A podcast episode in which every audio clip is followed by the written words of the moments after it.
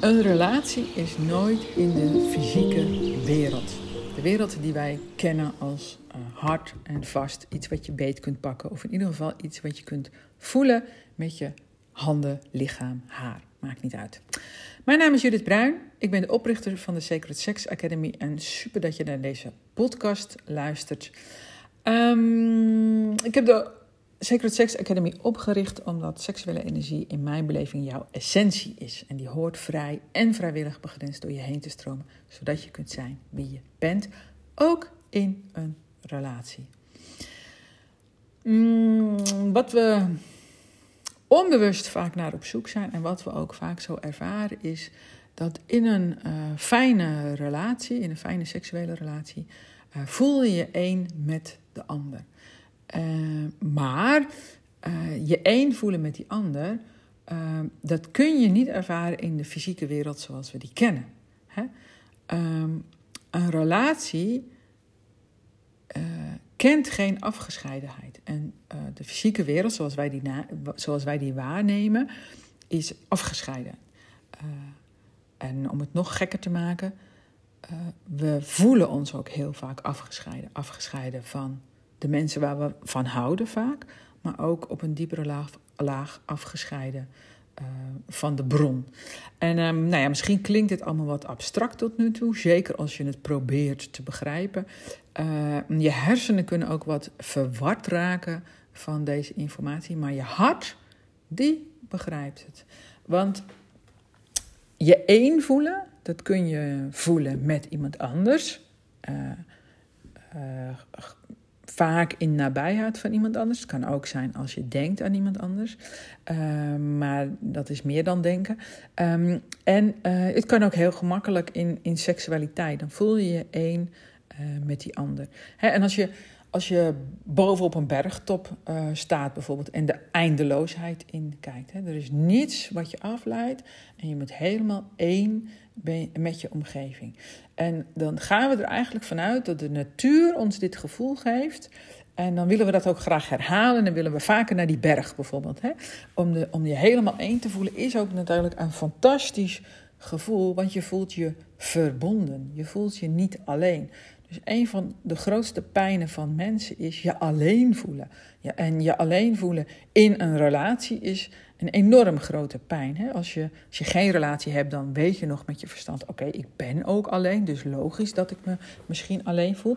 Maar als je in een relatie uh, aanwezig bent, als je, als je een relatie bent met die ander, dan is het veel pijnlijker nog vaak om te ervaren dat je je alleen voelt. Want je denkt, ik heb toch een relatie? Nou, je kunt geen relatie hebben, daar heb ik een andere podcast over gemaakt. Hè? Je bent een relatie.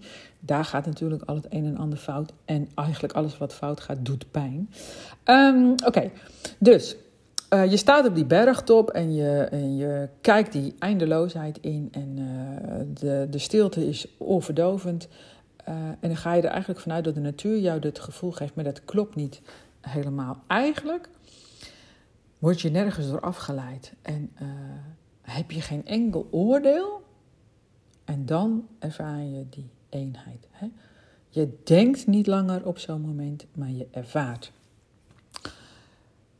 Dat gevoel van afscheiding waar ik het net over had, dat ontstaat onmiddellijk als je een oordeel over iets of iemand hebt. Zodra je oordeelt, eh, raak je uit verbinding en voel je je niet meer gedragen door het grote geheel. En ja, uh, onderzoek het zelf maar en dan zul je waarschijnlijk tot de ontdekking komen dat we de hele dag aan het oordelen zijn. En dat is ook een taak van ons, uh, van ons denken. Ons denken oordeelt de hele tijd. Oordeelt, beoordeelt. is, het, is het veilig? Moet ik hier naartoe? Welke kleren moet ik aan? Staat dit leuk? Staat dit stom? Wat heeft die andere stomme trui aan? Of uh, eigenlijk is een oordeel ook al de kleuren benoemen. Dat is niks mis mee. Hè? Er is niet altijd iets mis met oordelen. Hè? Maar als je bijvoorbeeld uh, de kleur oranje ziet en je beoordeelt dat ook als oranje, um, dan scheidt, dan, dan uh, hoe zeg je dat? Um, ja, dan benoem je in ieder geval de andere kleuren niet. Dus, dus je zorgt dus een scheiding tussen die kleuren. Die er in onze werkelijkheid ook al is met onze vijf zintuigen, dat begrijp ik wel. begrijp dat we dat ook zo zien en dat we dat zo oordelen. En door het te benoemen, door er een oordeel over te hebben, dit is oranje, en dan kun je ook nog zeggen, dit is mooi of dit is niet mooi, of ik heb liever wat anders, eh, ontstaat er ook een gevoel van afscheiding. Nou kun je gelukkig naast het denken met je hoofd, kun je ook nog uh, voelen slash waarnemen vanuit je hart. Uh, en daarvanuit kun je ook weer vertrouwen, kun je in verbinding komen met meer naar beneden, je bekken, met je innerlijk weten, met je intuïtie. Uh, maar dat wordt ons niet geleerd. Hè. We wordt, er wordt ons zelfs geleerd, je moet naar je hoofd. Je moet meer kennis verzamelen, je moet meer specialisten opleiden en dan is, dat, is het, uh, dat is het antwoord op al onze problemen. Ja. nou, dat is nog niet helemaal gelukt. Um, dat kunnen we om ons heen zien, dat geeft niets. We zijn allemaal onderweg, we zijn gewoon mensen en we zijn onderweg. En, um, maar het is ook niet vreemd dat relaties daardoor in uh, problemen komen. Hè? Uh, een, een, relatie is namelijk niet een verzameling van gedachten, aannamen, ideeën, veronderstellingen en, uh, en overtuigingen. Een relatie gaat eigenlijk voorbij aan afgescheidenheid. Hè? Je bent je bent in relatie. Je bestaat zelf uit allerlei relaties, maar je bent ook in relatie. Ja.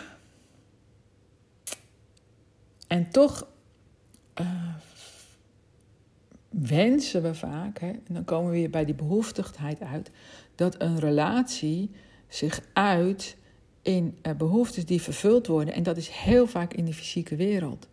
Dus het is logisch en ook soms verwarrend dat we maar proberen uh, die ander te blijven veranderen zodat onze behoeftes vervuld worden. En tegelijkertijd denken dat we dan nog in relatie zijn. Dat is echt krankzinnig natuurlijk als je erover nadenkt. Zodra je iets wilt van die ander, ben je eigenlijk uit relatie. Want je hebt al onderscheid gemaakt tussen die ander en jou. Die ander heeft iets of heeft een mogelijkheid uh, die jij wilt, zodat er in jou iets vervuld wordt. Dat is al een vorm van afscheiding. En, en dan ben je al niet meer in relatie. Dan heb je eigenlijk meer een soort van deal met elkaar gesloten. Wat ook kan, kan ook werken. Um, maar vaak uh, wil je iets anders ervaren. Hè? Dus wil je die oneindigheid ervaren in je leven? Wil je dat, dat gevoel van op die berg staan ervaren in je relatie? Dan heb je die scheiding uh, los te laten. En dat doe je door je hoofd en je hart en je bekken weer met elkaar verbinden. Zodat je in jezelf je verbinding op orde hebt. En um, als, je, als je verbonden bent met jezelf, dan kun je ook werkelijk verbinden met een ander daar laat ik het maar bij voor vandaag. Heb je iets gehad aan deze podcast? Of uh, wil, je nog, uh, wil je nog meer? Uh, ik heb een heel leuk magazine. Kun je gewoon gratis downloaden. secretsex.nl slash magazine. Super enthousiaste reacties. ben er heel blij mee. Ik wist niet dat het ja, zo'n bijdrage zou leveren. leveren. dat er zoveel meer begrip daardoor ontstaat van... hey, wat is dan eigenlijk seksual healing? waarom is dat eigenlijk zo belangrijk? Dus nou, dat, dat, uh, dat magazine wordt als een malle verspreid, dus dat is super. dat kun je dus digitaal verspreiden dus, en ook lezen. Maar wil je nou liever een gedrukt exemplaar ontvangen of meerdere, dan kan dat ook. Dan moet je wel even je naam en adres achterlaten, anders kan ik het niet opsturen natuurlijk. Um, en dan zeg je gewoon even hoeveel je er wil. En dan ben ik super blij als je me wilt helpen met het verspreiden van werkelijk een prachtig magazine. Heel mooi opgemaakt. Echt een, een, feestje om te lezen. Ik heb nog niemand gehoord die ik geen plezier mee deed. Nou, dat is natuurlijk niet waar. De mensen die echt niks met hun seksualiteit willen.